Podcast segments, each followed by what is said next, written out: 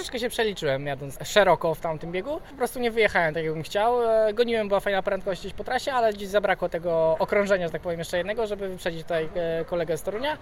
E, No ale takie biegi się zdarzają, gdzieś mój błąd i po prostu już nie mogłem tego nadrobić. Z całego meczu pewnie jesteś zadowolony z tego występu, poza tym jednym wyścigiem oczywiście.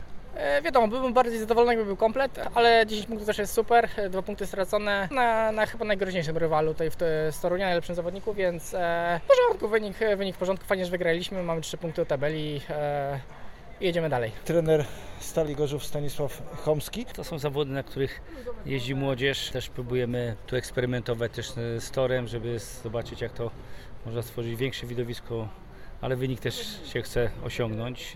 Jest zwycięstwo. No tak, kilka wyścigów było fajnych, gdzie się rozumieli. Ten wynik dziewiąty to uważam trochę niezrozumienie Mateusza z Jasiński mogło być 5-1.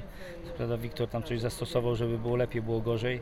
E, 12, no Oskar tak o, chaotycznie jak taką Amfelta bez głowy, to takie troszkę emocje za dużo wzięły górę. Fajny bieg e, 13, gdzie tu ładnie Jasiński z Polesztadem pojechali i to było widać konsekwencje jazdy przy krawężniku. I no na koniec chciałem, żeby to też ci nasi młodzi Duńczycy pojechali, no ale taki jest regulamin, że musiałem puścić ich w biegu 15, a nie 14. No ale ten Nagel pokazał się z dobrej strony, potrafił w konsekwencji z- wyprzedzić bardziej rutynowanego zawodnika z Torunia.